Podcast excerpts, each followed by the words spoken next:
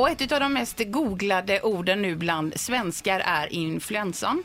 Eh, det fortsätter då folk som insjuknar detta. Man har nått själva piken säger man, men ändå så insjuknar folk fortsatt. Men vi har passerat... eh, Ja, så nu är vi på väg neråt. Men det är fortsatt folk som blir sjuka då. Och det är då den här influensan drabbar främst vuxna under 65 år. Så där är ju vi i riskzonen, Fredrik och Peter.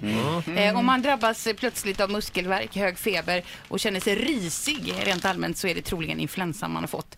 Sen är det några enkla råd här för att undvika att bli smittad. Det är det klassiska, inget nytt där. Tvätta dig och man ska inte peta sig i ansiktet då. Eh, och sen ska man undvika sjuka personer. Eh, jag åkte ju på influensan eh, här för några veckor sedan. Eh, precis när jag insjuknade så hade jag två dagar i Stockholm med absolut högsta vdn för vårt företag. Ja. Och jobbade lite med honom inför våran kick-off. Staffan. Staffan, ja. Mäktig man. Eh, och han, Bra, men en skön kille. underbar Ja, människa.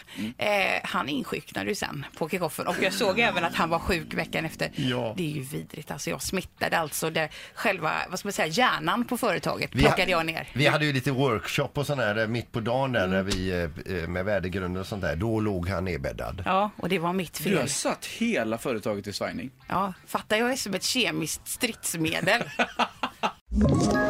Ett poddtips från Podplay.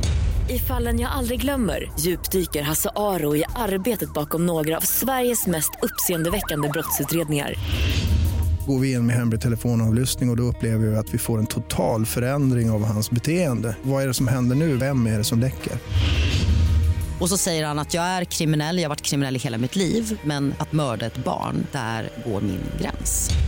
Nya säsongen av Fallen jag aldrig glömmer på Podplay.